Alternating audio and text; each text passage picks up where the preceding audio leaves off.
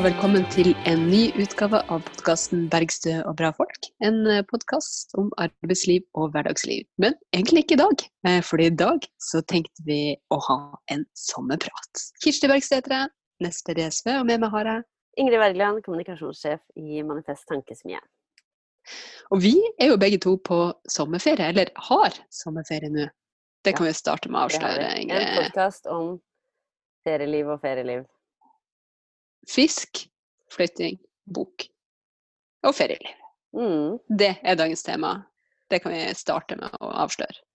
Og det er veldig viktig at folk som har ferie, hører om andre som har ferie, og at de som ikke har ferie, kan eh, lulle seg bort i de som har ferie.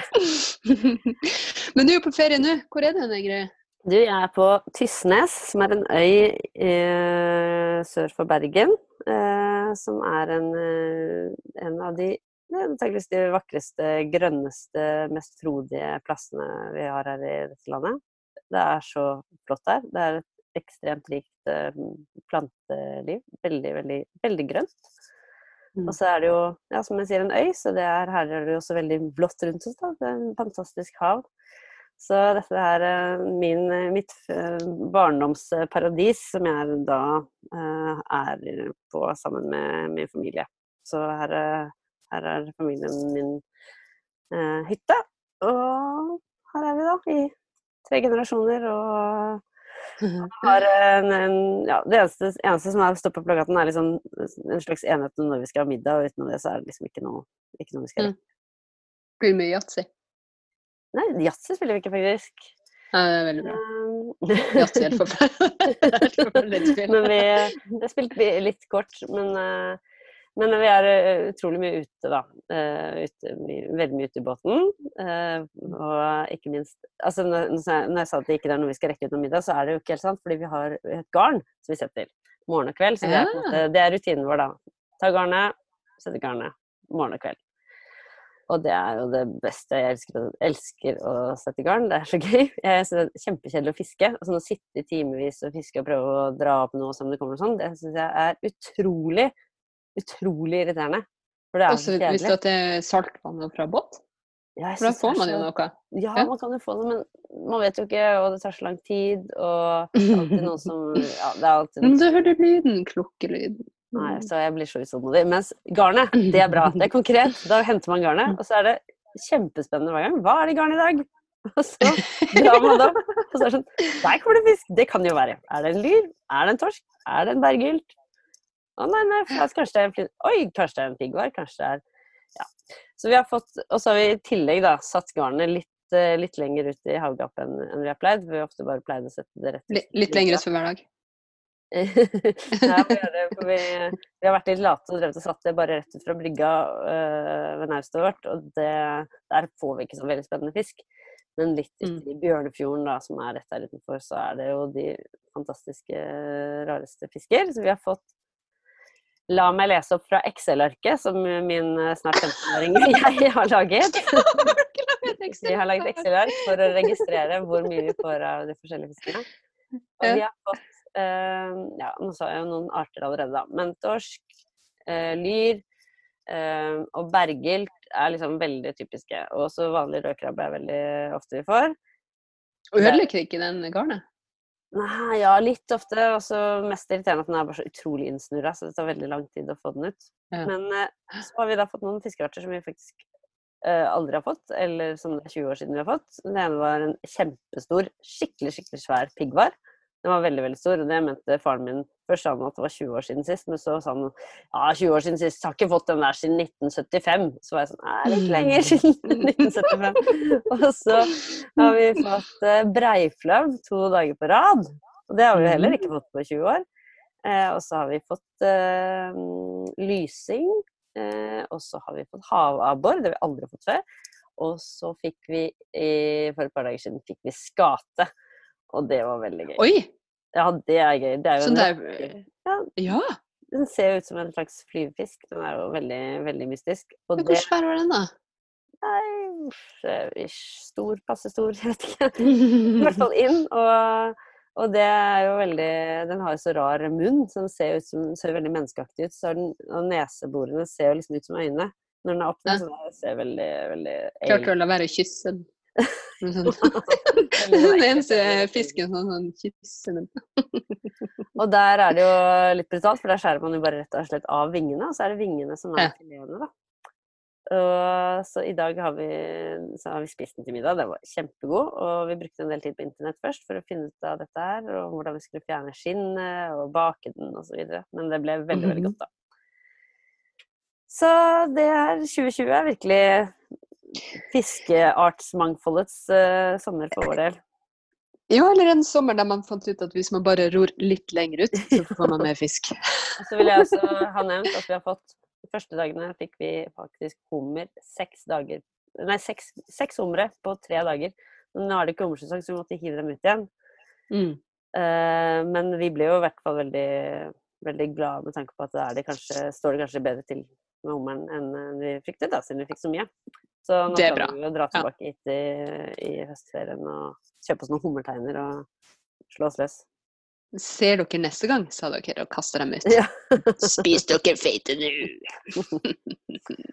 Nei, så det her er det mye, mye natur. Ja, det var en lang Ja. tirade fra min, eh, min feriestemning. Fortell om eh, din. Nei, du, den er veldig eh, Stort sett fin. Jeg er snart på tur opp eh, på vidda. Jeg skal på hyttetur. Eh, sånn hytte uten innlagt eh, vann og, og strøm. Eh, og eh, for å fiske og ja, leve, leve det gode livet under viddas frihet. Mm. Det fisk er jo det da? Er jo fjellfisk, så det er type ørret og sånn. Og ikke så veldig store, men veldig gode å steke. Ja, så får man det selvfølgelig mest hvis man fisker med oter. Litt, litt på stang, eh, du kan få i garn, eh, men hvis du drar frem oteren, da vet du at eh, fiskelykken er sikra. Mm. Så kan vi kikke etter om det har kommet noen multer. Eh, og selvfølgelig se på dyrelivet, fugler og rein og rev og den slags. Det er, vidde er jo noe veldig fint, for jeg føler liksom at man tenker like åpent som, som landskapet. Eh, og når det bare er flatt og du kan se veldig langt, så er det en sånn, en sånn oppklaring eh, som jeg ikke syns at jeg får noen andre plasser enn enn på vidda. Så det gleder jeg meg veldig til. Og så har det jo vært eh, noen netter med, med bål eh, og sjø. Og så har vi vært på tur eh, i nærområdet for det meste, da. Så det er jo, em, det er jo en norgessommer. Eh, og når man eh, har veldig mye flott rundt seg, så trenger man å komme seg veldig langt. Eh, så vi har vært eh, i Rullesteinsfjæra eh, i, Torop, som ligger i Tana kommune. Og der, der var det veldig fint. Og jeg vet ikke om du har vært i sånn rullesteinsfjære noen gang? Sånn helt runde steiner der du bare kjenner sånn rytmen av, av bølgene som drar innover det her rare landskapet. De har det utenfor Vardø òg. Sikkert veldig mange andre plasser. Eh, at det er sånne rullesteinsfjæra der eh, helt runde steiner lager et eh, veldig spesielt landskap og, nydelig lyd eh, sammen med, med bølgene. Og det syns jeg alltid er en veldig god sommer, eh, når man eh, har sånn ordentlig inngrodd bårlukt i håret. Det er nesten så det, du får lyst på whisky av å, av å dusje, røyklukta ligger sånn tjukt i, i vanndampen. Mm. Så det er stort sett det det har gått i. Og så er det jo noen stressmomenter med denne sommeren som vanligvis ikke er der. Mm. Og det er knytta til eh, flytting. Ja, du Mm. skal flytte sørover. Ja, skal det. Når snakker med, når jeg snakker med deg nå, så er jo du oppe i Nesseby i Finnmark. Ja, det er... Det sa du ikke. Nei, det sa jeg ikke. Eh, Jeg er hjemme i, i nord. eh, Og har tilbrakt mesteparten av sommeren her. Bortsett fra den delen av sommeren der jeg har vært på visning. eh, I eh, eller på eh, forskjellige steder innenfor, eh, innenfor eh, det gamle eh, Akershus eh, fylkesgrensa. Og grunnen til det eh, er jo fordi at jeg har blitt spurt av eh, nominasjonskomiteen, altså den komiteen som lager forslag til stortingslista, om jeg ønsker å, eh, og eh, stå på topp eh, på lista til Akershus. Og det har du sagt ja til. Jeg har det. Og det er jo litt sånn Det er jo litt blanda. Altså, for det første så er det utrolig hyggelig å bli spurt. Det er veldig hyggelig å bli ønska av, av, et annet fylke. Og, og, jeg måtte jo ha en liten runde i tenkeboksen på om det egentlig var aktuelt. fordi at det er jo det er jo noe litt sånn rart ved det. Når du bor i andre enden av landet i utgangspunktet. Det er jo klart jeg har vært en del i Akershus, besøkt lagene der, besøkt arrangementer og sånt. Men hvis man skal gjøre en god jobb eh, som eh, folkevalgt fra et område, ja, da må du kjenne området ekstra godt. Så derfor så har jeg sagt ja til, eh, til det, og også tatt konsekvensen av det, som innebærer at man må flytte. Så da skal vi flytte eh, til, til Østlandet. Eh, ja, når, når, høsten kommer, og den er jo like om hjørnet.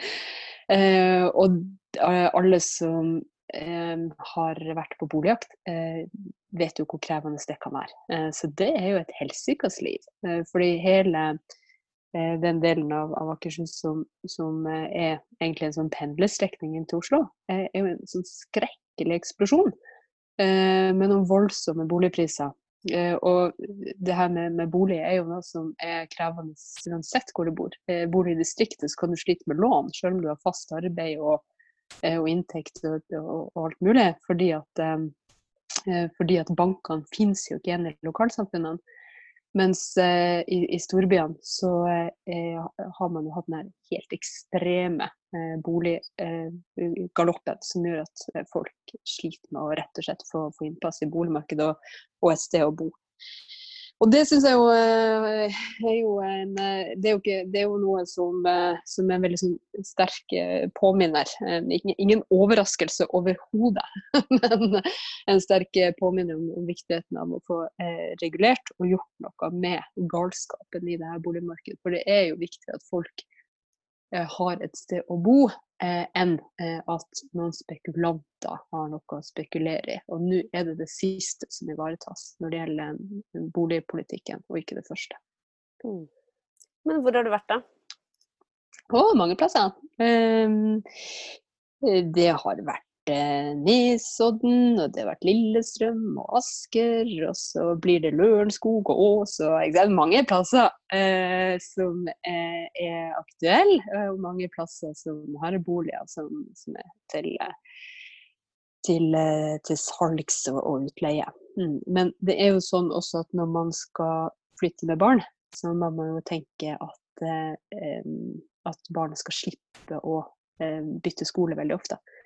Eh, så derfor så eh, er det liksom vanskelig å begynne å leie et sted for å finne noe å kjøpe, eh, hvis at du ikke er sikker på at du kommer noe innenfor den skolekretsen. da. Ja. Mm.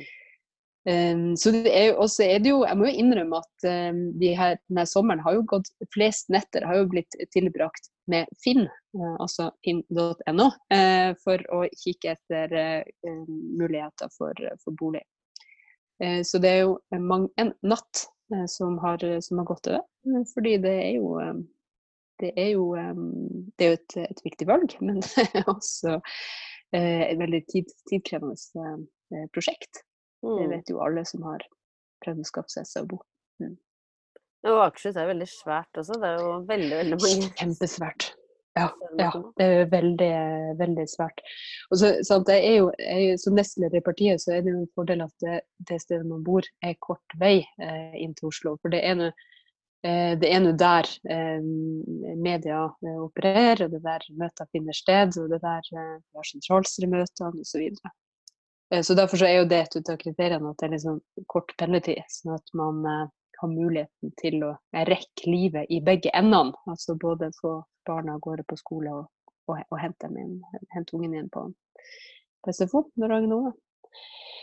Eh, men Akershus er jo kjempesvært, eh, og Akershus er jo et, et, et spennende, eh, spennende eh, fylke. Eh, det er jo noen likhetstrekk der mellom Akershus og Finnmark. Bl.a. at begge to er tvangssammenslått til noen helt sånne umulige konstruksjoner og som mangler folkelig forankring. Eh, og det er jo en veldig viktig eh, politisk kamp eh, å sørge for at man får en fylkesinndeling som er i som gir mening ut ifra liksom, demokratiske og samfunnsmessige forhold. Eh, mens Akershus er jo også på mange måter som miniatyr av, eh, av Norge eh, når det kommer til de utfordringene som man står i. Eh, både i forhold til eh, den ekstreme eh, veksten i, i forskjeller mellom folk, økonomiske forskjeller. og også denne, denne dilemmaet mellom natur og, og inngrep. der, der mange samfunn som er en sånn skrekkelig vekst, står jo i en, en, konflikt ofte mellom utbyggere og innbyggere. Der utbyggerne vil ha grep om eh, de feteste og flotteste arealene. Der de kan få tomlefritt eh, for eh, boligspekulasjon, bl.a. Mens innbyggerne gjerne ønsker å ivareta grøntområder. Man vil ha matjord og kunne ha kjenne igjen samfunnet man bor i. Og også påvirke hvordan landskapet skal være. Eh, og så eh, er det jo eh, voldsomme utfordringer i forhold til liksom, transport. Hvordan skal man kunne, kunne ha en miljøvennlig og god og effektiv mulighet for å, å, å forflytte seg rundt, rundt, omkring. Og så er det jo en sånn sentraliseringssig som er over hele landet, som også samfunn kjenner på lenger, lenger sør og, og på Østlandet. Mm. Og det gleder jeg meg til å bli bedre kjent med, selv om jeg skal innrømme en ting. Eh, og det er jo, det er jo en kjærlighetssorg å forlate Finnmark. Eh, det er det. Mm. Selv om det er veldig mye spennende i vente.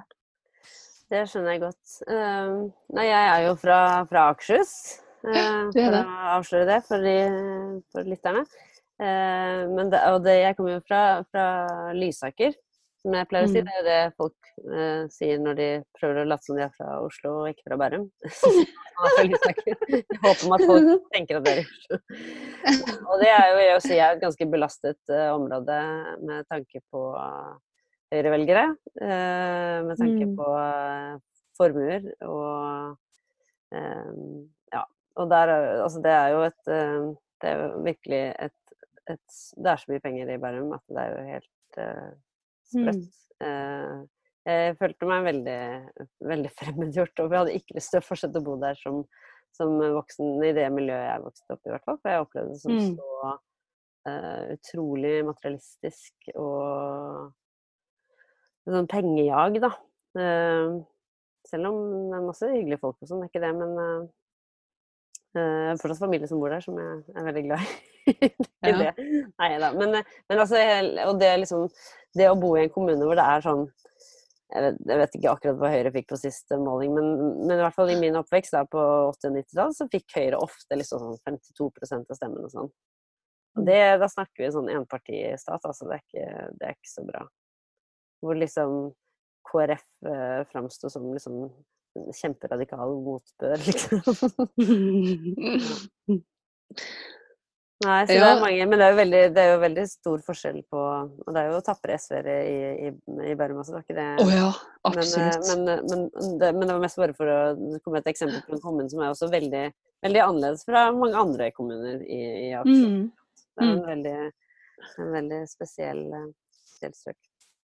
Ja, og som skiller seg ut egentlig på på landsplan. Altså Oslo ja. er jo sånn at du har jo veldig sånn begge deler og er en veldig delt by. Mens mm. det er jo klart at uh, det er jo et område i, Akershus som også skiller seg ut som på landsplan, kan man si. Mm. Mm. Ja, ja, nei, men Det blir en spennende føljetong. Se hvor du, hvor du havner i, i, i Akershus. Men, du, det blir veldig spennende. Og så blir det spennende å se på nominasjonsmøtet til høsten òg. For ja, dette er jo tross alt partiet som skal velge sine, sine, fremste, og som skal uh, velge hvordan lista skal se ut til, til valget. Uh, så, og det er opp til lagene og partiene å bestemme. Ja, for det er jo et nominasjonsmøte, og da, det er, det. Mm. da er det jo litt forskjellig fra, fra, partilag til partilag hvordan det avgjøres, er det ikke det? For i Oslo så er det jo en sånn Der er vel alle Der kan jo alle medlemmer komme og stemme, og så, og så blir det det mm. det blir. Hvordan er det i Akershus? Altså, stort sett i, i de fleste andre fylker så avgjøres nominasjon og liste med utvalgte fra lokallagene. Ja. Eh, så, sånn, sånn, er det også der. At det er lokallagene som, som, sender folk ut, og så har man liksom en viss andel ut ifra lagets mm. størrelse eller de, de mm. vedtektene som er i, um, i, uh, um, i det fylkeslaget. Um, og så blir det jo spennende å følge med nominasjonen i alle fylkene, men også i Finnmark. Uh, fordi uh, en av grunnene til at jeg tenkte at det var også riktig å gi meg um, i Finnmark, handler jo om at jeg har hatt det ekstreme privilegiet av å være førstekandidat siden 2009. Det betyr jo ikke at jeg har vært på Stortinget siden da, for det har jeg jo slettes ikke. Eh, men, eh, men, det å toppe ei liste i et fylke, eh, uansett hvor det er, det betyr at man får lov til å reise rundt og besøke alle samfunnene i det fylket. Det betyr at man får eh, diskutere hverdagen og utfordringene og eh, det som er viktig eh, med veldig mange folk. Eh, og også med de allierte og samarbeidspartnerne som er viktige for et sosialistparti, sånn som miljøbevegelsen og fagbevegelsen. Og det er, det er virkelig en veldig, veldig, veldig sånn flott tillitsoppdrag som, som jeg gleder meg til å se hvem får tilliten til å, til å utføre over hele landet. Da. Det, så det blir jo det blir en spennende høst. Eh, og, og, et veldig spennende år, egentlig. Høst er jo på mange måter starten på noe. Samtidig som det da Samtidig som det da noe lukkes ned. Det er det som er så vakkert med høsten.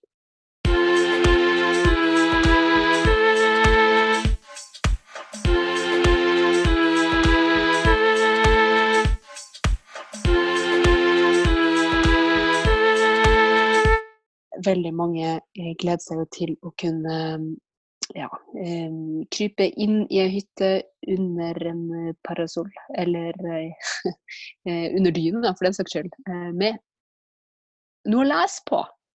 Ja. Og det må vi jo innom. Det må ja. vi. Sommerlektyren. Vi har eh, Jeg har jo reiste av gårde for fire uker på ferie, så jeg har jo veldig mye av kofferten min består av bøker. For jeg er en mm. eh, papirboklesende person, og ikke, er ikke mm. så fancy e-bokleser eh, som, som, som, de hippeste blant oss. Så jeg har en ganske tung koffert, eh, og har fått lest veldig mye av den. Barna mine har blitt såpass store at jeg ikke bør løpe etter dem hele tiden. Det, og de er jo mye ute i vannet og holder på med sitt. Bygger hytter i skogen og øh, fisker og dykker og gjør alt mulig rart. Så da kan jeg Jeg må jo bade litt innimellom sånn for å slutte at de skal mase. Men det viktigste er å sitte og lese litt. Og da har jeg lyst til å fortelle om noen av de bøkene. Den ene mm. boken er jo øh, Det sosialistiske manifest av Barska Sunkara, som øh, forlaget Manifest har gitt ut nå i juni som vi egentlig ikke kan anbefale sterkt nok. Nei, det er en veldig, veldig bra ja. bok. Den ja. uh, syns jeg alle som har et hjerte på venstresida, burde lese. Og så syns jeg ja, folk som ikke har det, også burde lese det, så kanskje de synes, får det. Jeg syns alle som har et hjerte på venstresida, burde ta et ansvar og gi den videre til noen som kanskje burde prøve å plassere eh, hjertet på rett plass. Ikke sant. Den er skrevet mm. av den amerikanske eh, redaktøren og eh, journalisten Bashkar Sundpera, som er eh, redaktør og grunnlegger av Jacobin Magazine, som er eh, venstresidens sterkeste kort i, i, USA for tiden, som er veldig sånn samlende og bra og klokt og intellektuelt og aktuelt venstreside tidsskrift. Sunkara er veldig nær knyttet til Bernie Sanders-bevegelsen. og denne boken da, 'Det sosialistiske manifest', eh, med den veldig fine undertittelen 'Radikal politikk for en tid med ekstrem ulikhet'. Det mm. er jo da en veldig ja, artig bok som starter med sånn derre uh, science fiction-aktig nær fremtidsunivers hvor, hvor hvor det har blitt sosialisme i USA.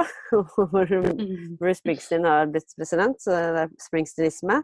Og det handler da om denne, en pasta, pastafabrikk hvor, man da, hvor arbeiderne eier eh, eh Eller mm. pastasausfabrikk, da, hvor arbeiderne eier eh, fabrikken.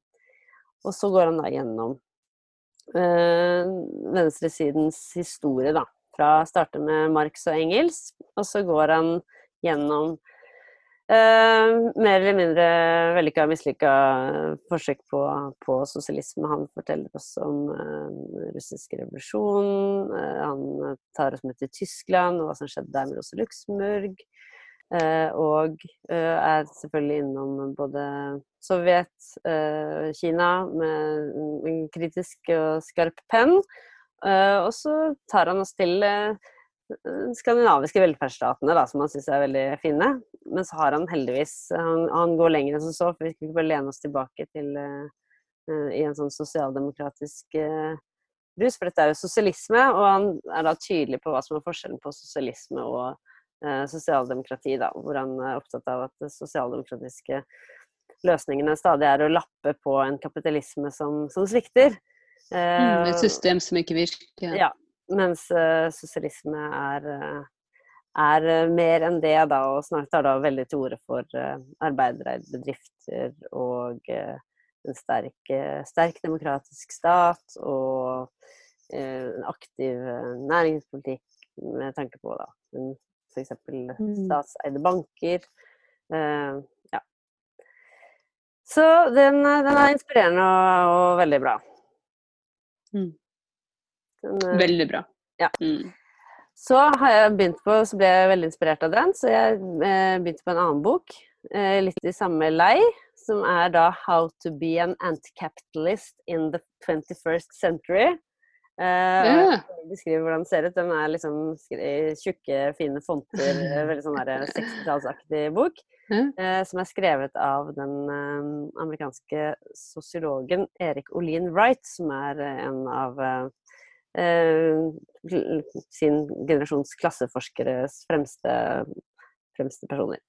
Uh, han skrev uh, i forordet at han, uh, han vurderte tittelen til å være 'How to be an democratic socialist in the 21st century', men så tenkte han at han Jeg vil jo nå de som bare hater kapitalismen og kanskje ikke føler at de er demokratiske sosialister også. Ja. Eh, så viste det seg på baksiden av den boka så var det en anbefaling om å lese boka av Barska Sunkara, som skrev Det sosialistiske manifest. Da at, og da tenkte du at du måtte lese den? Nei, men det, det oppdaget jeg etter jeg hadde kjøpt den. Jeg ble bare så revet med av tittelen. Men det er en veldig god, veldig god bok som jeg vil anbefale varmt. Eh, jeg hadde lest litt av den før fordi jeg, jeg, jeg har jo studert sosiologi. Men, ja. men den her er rett og slett en veldig sånn enkel gjennomgang av hva er kapitalisme, og hva er problemet med kapitalismen, og hva er mm. alternativet. Eh, og, han, den er da på engelsk? Den er på engelsk, eh, men han skriver et veldig jeg vil si et uh, veldig lett, lett, språk. Fordi han hadde skrevet en bok om mye av de samme temaene eh, for ti år siden, eh, som han var veldig mye rundt og holdt foredrag om i fagforeninger og partilag og sånn. Og så sa alle det er kjempebra alt det du forteller, men den boken din er litt tung.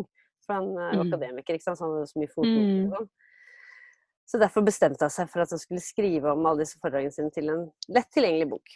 Eh, så, så, visste han at han kom til å få masse kjeft fra alle de akademikervennene hans for at det var så lite fotnoter i den, så han skulle skrive to deler. Den første delen skulle være en introduksjonsbok med akkurat det jeg beskrev. Mm. Og så kunne heller del to være sånn full av fotnoter og ja, da på den ene siden, den andre siden osv. Så, videre så er det en litt trist slutt på den historien. fordi han, mens han var på slutten av å skrive denne boken, så fikk han leukemi. Så han Nei. ble bare ferdig med den. Så forordet slutter med Får vi se hvordan det går med, med denne med, ja, med behandlingen. Og det Ja. Det, det vet vi ikke, rett og slett. Jo da, han døde. Han døde i fjor.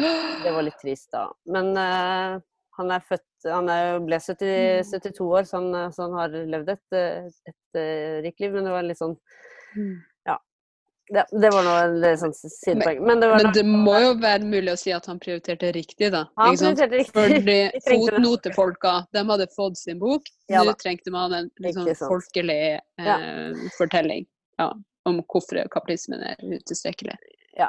Men mm. det her, så disse to vil jeg anbefale varmt. Jeg kan dele titlene i sosiale medier også. Men som jeg anbefaler bok til. For den er så mm -hmm. morsom og så sjuk. Eh, det er nemlig en bok som heter 2020. Og altså, skulle tro at forfatteren, svenske Jesper Waitz, visste hvor eh, vilt dette året kom til å bli med korona og alt mulig galskap. Fordi den heter da 'En fremtidsoptimistisk roman'. En svensk bok, det er da. Mm. Men den, den, er helt surrealistisk. Den handler om en gutt, eller en ung mann, da, som heter Panther Alglans, som da liksom blir født i 2020. Så det er en framtids, ja, da. For den handler da om hva som skjer om eh, sånn 30-40 år. Og det er så stusslig. Det er så stusslig. For det første, han vokser opp eh, mellom en mur og en motorvei i et, i et sånn eh, blokkområde. Eh, han går ikke på skolen, for det har ikke moren råd til. Hun er alene med han og søsteren hans.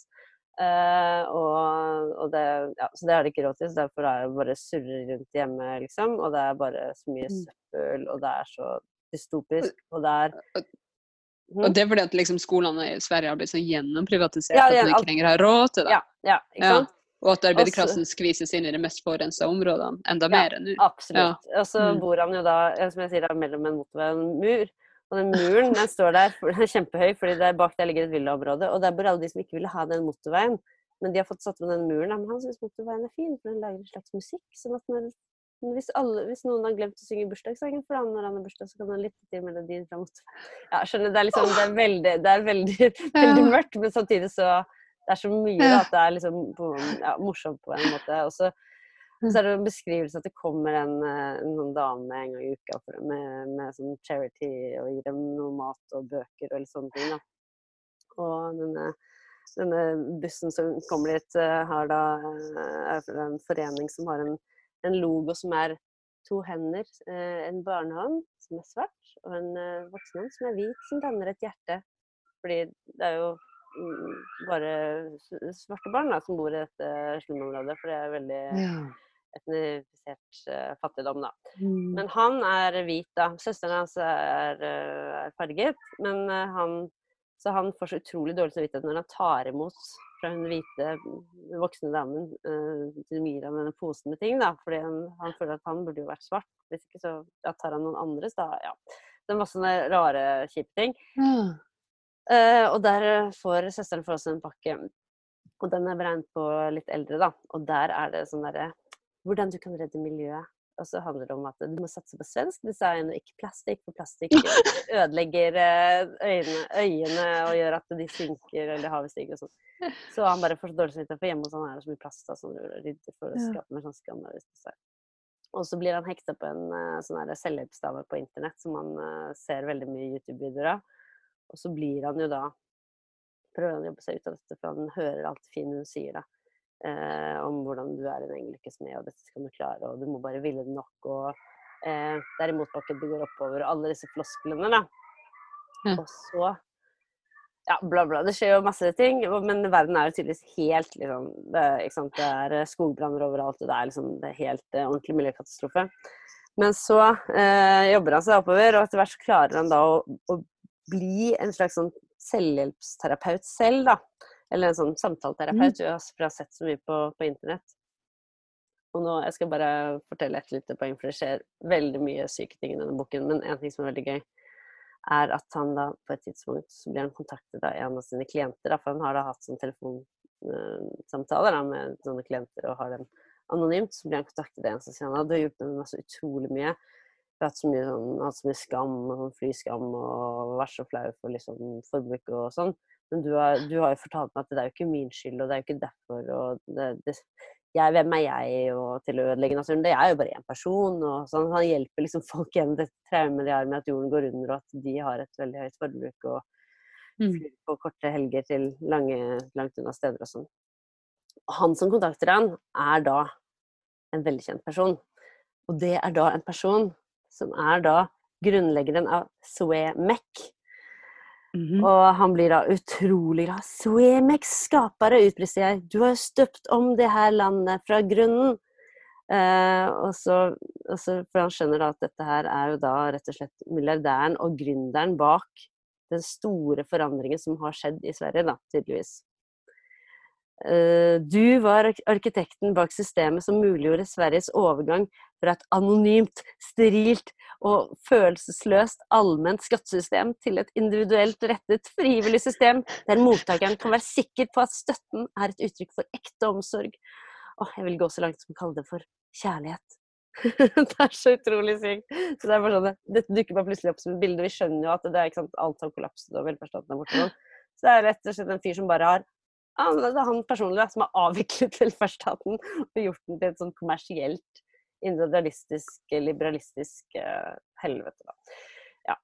Der det er lite det- lite organisering og fagforeninger neppe fins. ikke sant. Og det er bare Det er en veldig, veldig, veldig bra og dyster Ja. bok, da, men også veldig Det er så, det er så mye gøy og teit tatt på kornet som samtidig, da, med at han, liksom han har vært kjempefattig, så når han da begynner å tjene penger, så er han sånn Endelig!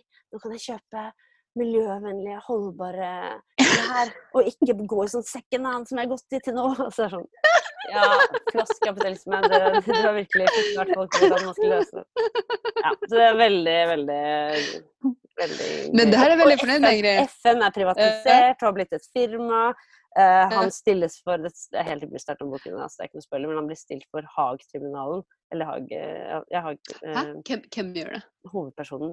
ikke Den starter med en epilog, for han har gjort, tydeligvis gjort noe veldig, veldig mm, skadelig.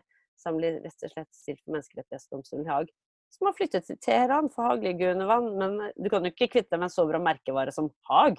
Ja, sånne ting, da. Det er veldig, oh, det er veldig gøy og veldig sjukt. Så når vi først anbefaler en roman, så er det altså en dypt djupt politisk eh, Veldig bra. Jeg er fornøyd med, med den anbefalinga. Bra. Mm. Ja.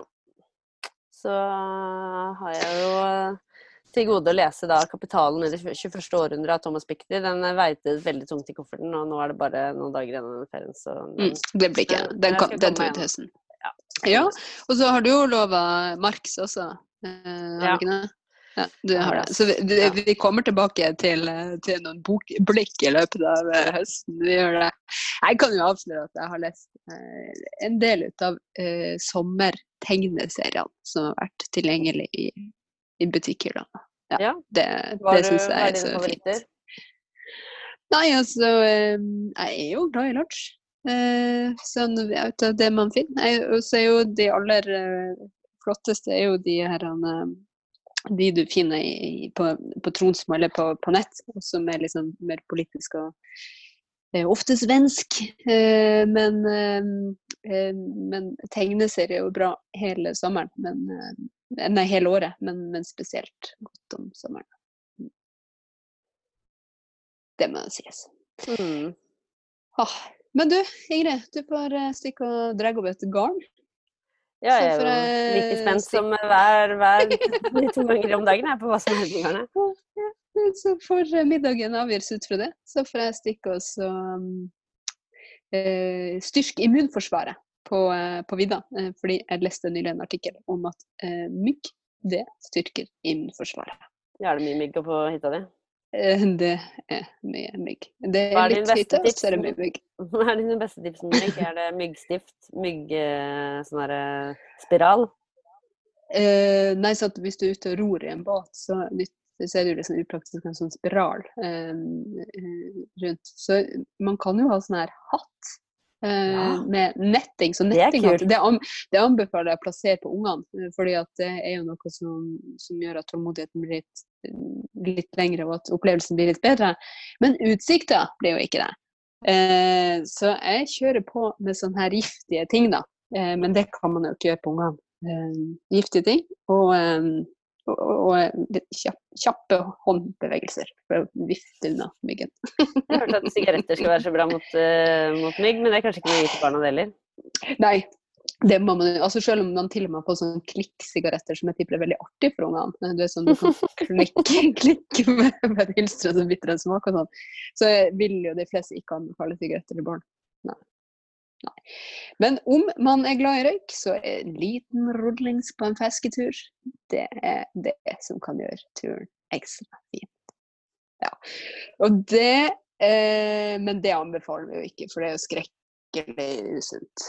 Sjøl om det er veldig godt. Ja. Men eh, da vil jeg bare ønske deg god tur ut på, på fjorden. Så skal jeg stikke og dra opp eh, noen ørret sjøl.